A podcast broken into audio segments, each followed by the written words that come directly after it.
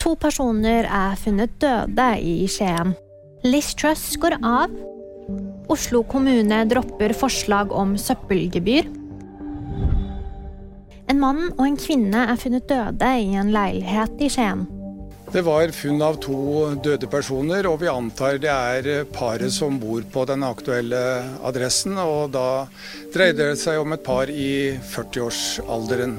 Det sa politistasjonssjef Dag Størksen.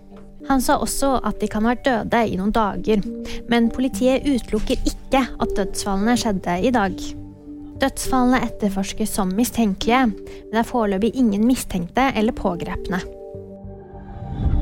Storbritannias statsminister Liz Truss har gått av etter bare seks uker i jobben. I have therefore spoken to His Majesty the King to notify him that I am resigning as leader of the Conservative Party. Det sa Truss i en tale tirsdag ettermiddag.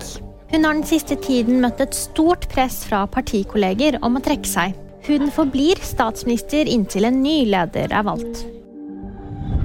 Oslo kommune dropper forslag om søppelgebyr. Forslaget kom etter ønske fra renovasjons- og gjenvinningsetaten, men har fått mye kritikk, skriver NTB.